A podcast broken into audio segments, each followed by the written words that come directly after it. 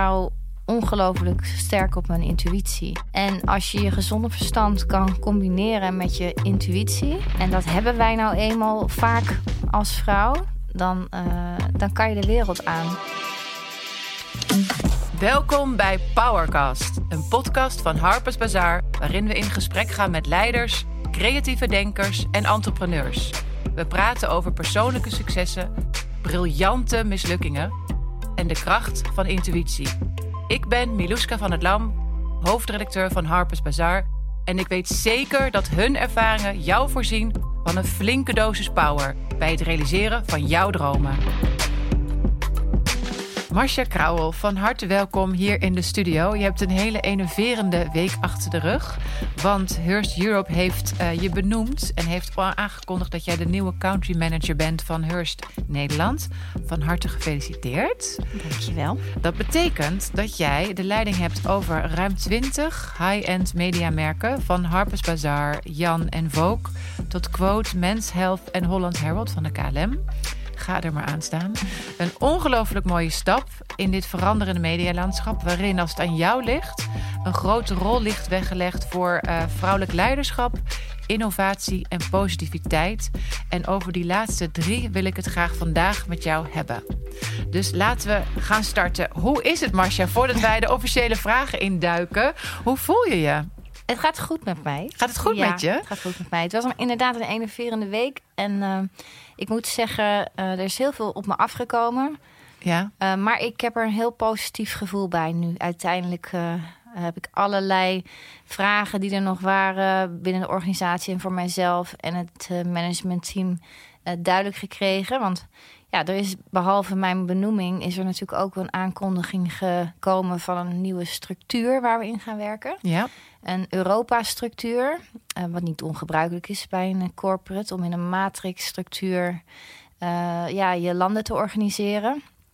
En dat is dus uh, iets wat natuurlijk altijd vragen oproept: van hoe gaat het dan werken in de praktijk? En wat gaat er veranderen? Ja, want mensen vinden verandering eng en spannend. Klopt, klopt. Ja. En het is ook menselijk. Ja. En deze week heeft dus niet alleen in het teken gestaan van het uh, uh, uh, afscheid van onze CEO en de benoeming van mij in een nieuwe rol van country manager in die Europese structuur.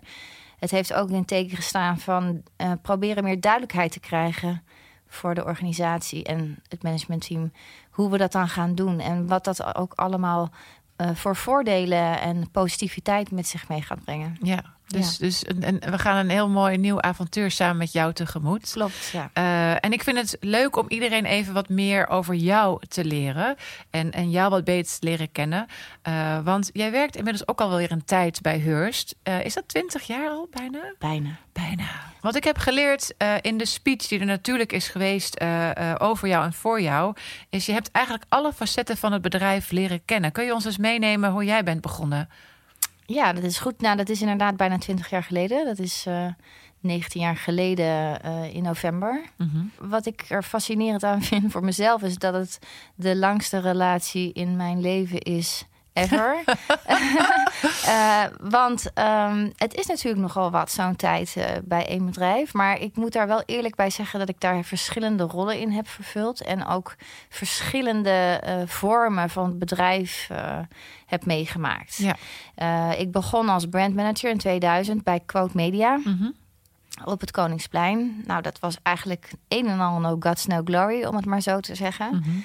Uh, waarbij vooral Quote en L de boventoon voerden. En we eigenlijk nog heel klein waren en heel erg... Uh, ja, nou, we waren geen start-up, maar we hadden wel echt een hele uh, brutale en ondernemende mentaliteit. En um, toen ben ik van brandmanager ben ik doorgegroeid naar marketing director. En Mhm. toen kwam Hachette in beeld, die kocht het bedrijf. Was ook een internationale uitgever? Er is ook een internationaal groot uh, beursgenoteerd concern, uh, Hachette Lagardère. Natuurlijk gestationeerd in Parijs. Wereldwijd concern ook. En um, nou, nou, dat bracht met zich mee dat het natuurlijk toch wat meer ja, ging professionaliseren en het bedrijf groeide. Nou ja, wat er, wat er gebeurde daarna is dat dat hebben we een aantal jaren gedaan. Ik was dan marketing director en werkte nou samen met de CEO en natuurlijk onze financiële man en de salesman. En we, we probeerden dus ook aan de, ja, de verwachtingen van Hachette op dat, in dat opzicht te voldoen. En uiteindelijk na een aantal jaar kwam Hearst uh, om de hoek. En, Hearst is een Amerikaanse uitgever? Hearst is een Amerikaanse concern. Een hele grote, bijna conglomeraat uh, aan bedrijven. Toen veranderde er ook wel echt wat. In Hearst uh, kregen we... Nou, ik werd, uit, ik werd benoemd tot uitgever, ben ik nog goed... Uh, op 1 januari en, op, en ik geloof dat ik een week later zat ik in het vliegtuig naar New York, want we gingen Women's Health lanceren. Ja. Een Rodale merk, weer mhm. een andere Amerikaanse uitgever. Maar in ieder geval, dat gingen we doen. En we gingen, uh, nou ja, daarna hebben we vervolgens besloten dat we Red gingen sluiten, maar Harper's Bazaar gingen we lanceren. Goed nieuws voor Harper's Bazaar. Echt, echt Hearst-merk. ja. Uh, ook uh, actief in volgens mij 18 of 20 landen. En 30 kort, inmiddels. 30, 30. sorry hoor, ik kan het niet meer bijhouden. Nee, maar wij, wij houden het bij voor jou. Succesvolle merken je, groeien. Je hebt je mensen daarvoor. En ik moet zeggen, um, en toen in 2014, toen hebben we Cosmopolitan teruggekregen... na volgens mij 25 jaar bij Sanoma... Um, groot te zijn geworden, uh, is, toen de, is toen de Cosmo naar de eigen Hurst stallen teruggekeerd. En, en toen hadden we ineens, zo ging dat even door. Hè? En toen kregen we ook. Zeg, joh. Ja, we gingen ook. Uh, uiteindelijk kwam er, uh, kwamen Mens Health en Runners World van BPG naar Heurs Nederland. En het, het werd eigenlijk best wel een serieus bedrijf. Dus ik heb bedrijf niet alleen, ik heb niet alleen verschillende rollen gehad. En daar ging het hele verhaal eigenlijk naartoe. Maar ook het bedrijf echt zien groeien van best wel klein ja. Naar best wel groot. Want... Weet je, de cowboys klapdeurtjes ja, ja, zijn vervangen door hele mooie grote officiële kantoordeuren. Ja, en toen kwam natuurlijk uh, uh, 2017 de aankondiging dat we ook nog Green jaar over gingen nemen. En dat was een hele bijzondere in de wereld ook. Want ineens werd Vogue werd collega van Harper's Bazaar bijvoorbeeld. En sterker nog, uh, ja, kwam in één portfolio bij één uitgever. En dat was ik dan dus. Ja. dat werd, was echt best wel een unicum. Ik... We zeiden al, we gaan met je hebben over vrouwelijk leiderschap, over positiviteit en innovatie. Die, vooral die eerste twee hoor ik wel heel goed terug in zo'n team om je heen verzamelen. Want je hebt vrouwen om je heen verzameld. Ja. Uh, uh, en je hebt ook heel positief gedacht, want er gebeurde nogal wat. Ja. Uh, heb je ook gemerkt dat dat zeg maar meteen zijn vruchten afwierp? Mijn ervaring is dat met de vrouwen met wie ik samenwerk, en dat zijn er inmiddels best veel uh, en het, het, is natuurlijk ook een bedrijf waar, waar ik nu leiding aan geef, waar heel veel vrouwen überhaupt werken. Omdat ze uh, iets maken, uh, producten maken of content maken, ja. waarmee ehm, ja, ze een betere versie van zichzelf kunnen worden op allerlei terreinen, maar dat ook de wereld inzenden dat zie ik toch als, als positiviteit. Wat jij uh, vorig jaar uh, naar Nederland hebt gehaald. En daar zijn we met z'n allen ongelooflijk trots op. En ik weet zeker degene die nu gaan luisteren ook. Want je hebt Hearst Lab naar Nederland gehaald. Uh, en, en dat is eigenlijk een initiatief waarin vrouwelijke start-ups worden gesteund door Hearst. Met een hele mooie financiering, maar ook met een begeleiding. waarom vond jij de tijd rijp om dat te gaan doen? En waarom maakt het jou zo gelukkig dat we dat nu aan het doen zijn? Om om te beginnen kwam Yves Burton naar Nederland om, uh, om andere redenen. Zij is eigenlijk de enige vrouw die in de top zit van Hearst wereldwijd in het uh, bestuur. Ja, zij is ook net benoemd, hè? Zij is net benoemd als vice-president van de CEO. Dus het is een ongelofelijke stap voor haar. En ja. ook heel, heel erg bijzonder dat zij uh, deze top ook heeft bereikt. Zij kwam er al heel snel achter dat er een ontzettende gender investment gap is in de US, maar ook blijkt dus nu hier in Nederland. Dat is natuurlijk door Janneke Nies en Even vorig jaar, uh, het jaar ervoor, heel duidelijk transparant gemaakt. En zij wilde dat specifiek dus doen. Uh, niet door een fonds op te richten, maar door te zeggen: Nou, wij gaan een programma starten dat, dat vrouwelijke, uh, door vrouwgeleide start-ups, het moet allemaal wel technologisch gedreven zijn en er moet, het moet innoveren op het gebied van data en liefst media. Omdat als Hearst echt iets wil bijdragen aan de groei van die start-ups, dan is het handig als er connectivity is met onze business of een van onze businesses. Ja, dus je hebt een aantal dingen om het verhaal toch een beetje in te gaan korten. Nu zodat we over kunnen gaan naar de volgende vraag. Vrouwelijk leiderschap laat je hiermee heel erg zien. Want wij krijgen allemaal, ik ben ook een van de scouts en alle, een paar andere hoofdredacteuren ook. En mensen in andere posities overigens ook. Ja. Dus ook niet alleen maar de hoofdredacteuren. Wij beoordelen met jou mee. Uh, je laat ook heel veel positiviteit zien. En heel concreet zijn nu twee vrouwelijk gerunde bedrijven zijn nu van start gegaan. Klopt, ja. En ze hebben ook inderdaad de vloer van Hurst gevonden, zijn met ons in gesprek. Uh, dus het heeft een mooie vliegende start gekregen, dankzij uh, jouw leiding ook.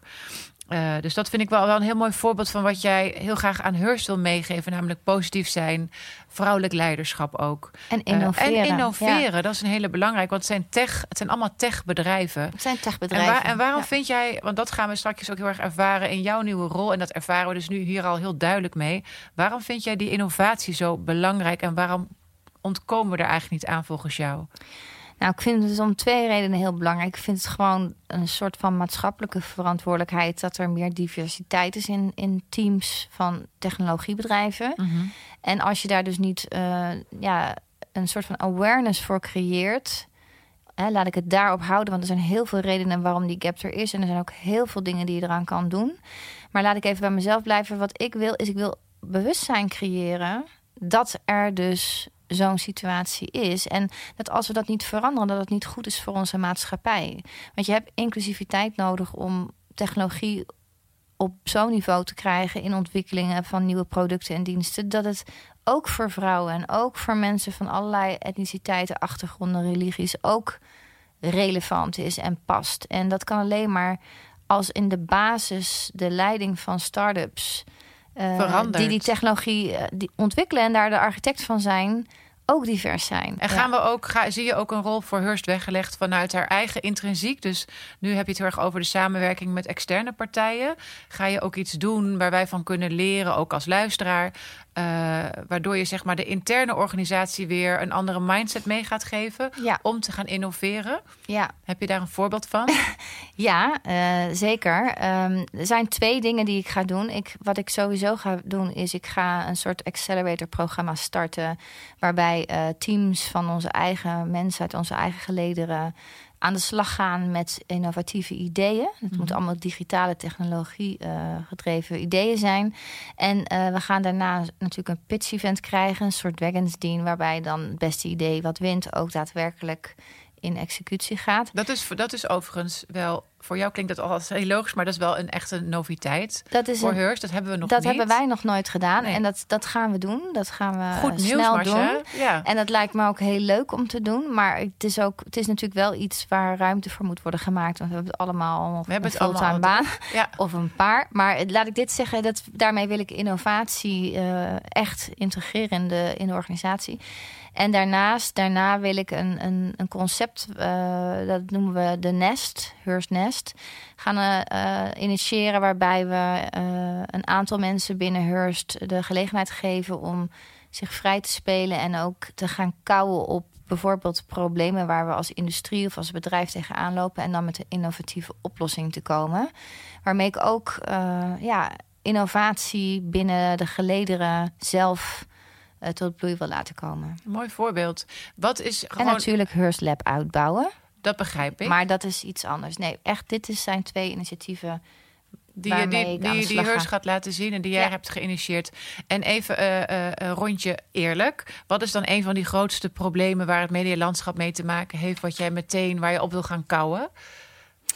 Nou, wat ik fascinerend vind, is dat uh, we allemaal weten dat het mediaconsumptiegedrag drastisch is veranderd. Hè? Mm -hmm. Dus er zijn men, minder mensen die tijdschriften lezen, maar ook minder kopen, omdat ze op een andere manier uh, consumentengedrag vertonen. Dus er komen minder mensen uh, live in winkels, in, in zaken waar normalitair tijdschriften te koop zijn.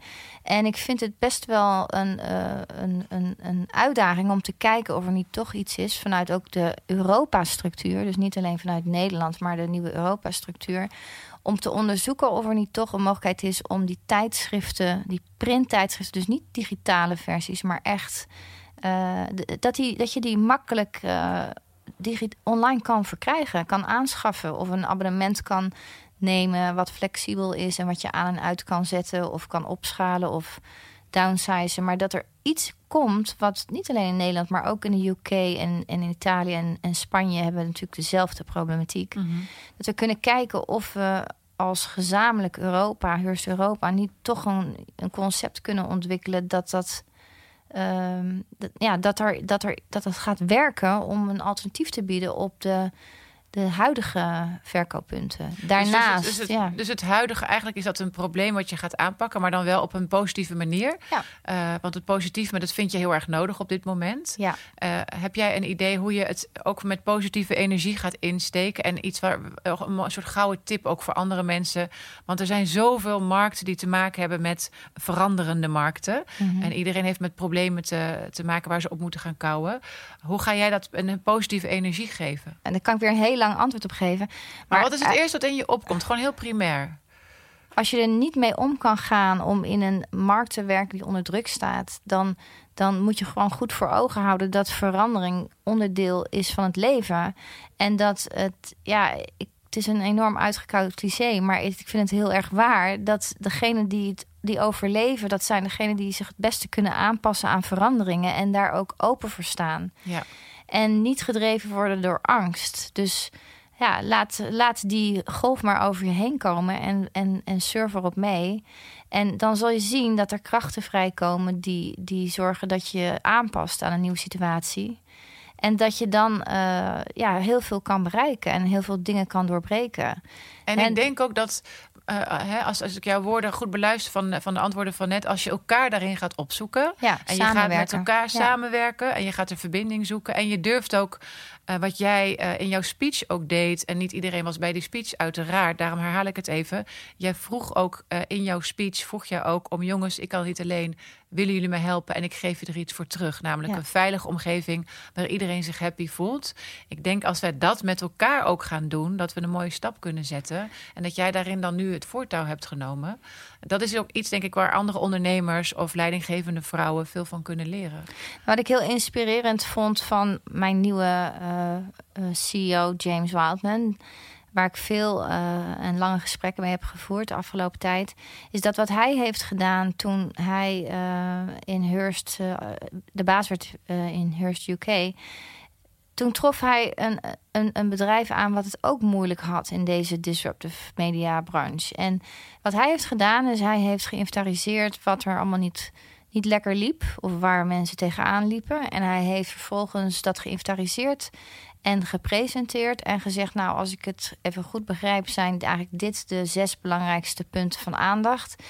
Nou, wie gaat mij helpen om dat te veranderen? En er waren mensen die hun vinger opstaken bij nou, betere communicatie of bij verbetering van processen. Gewoon dingen die anders en beter konden. En, en hij heeft daar teams van geformeerd. En die zijn gaan kouwen ook op mogelijke verbeteringen en oplossingen. En daar is naar geluisterd. En dat hebben ze zeg maar gefixt.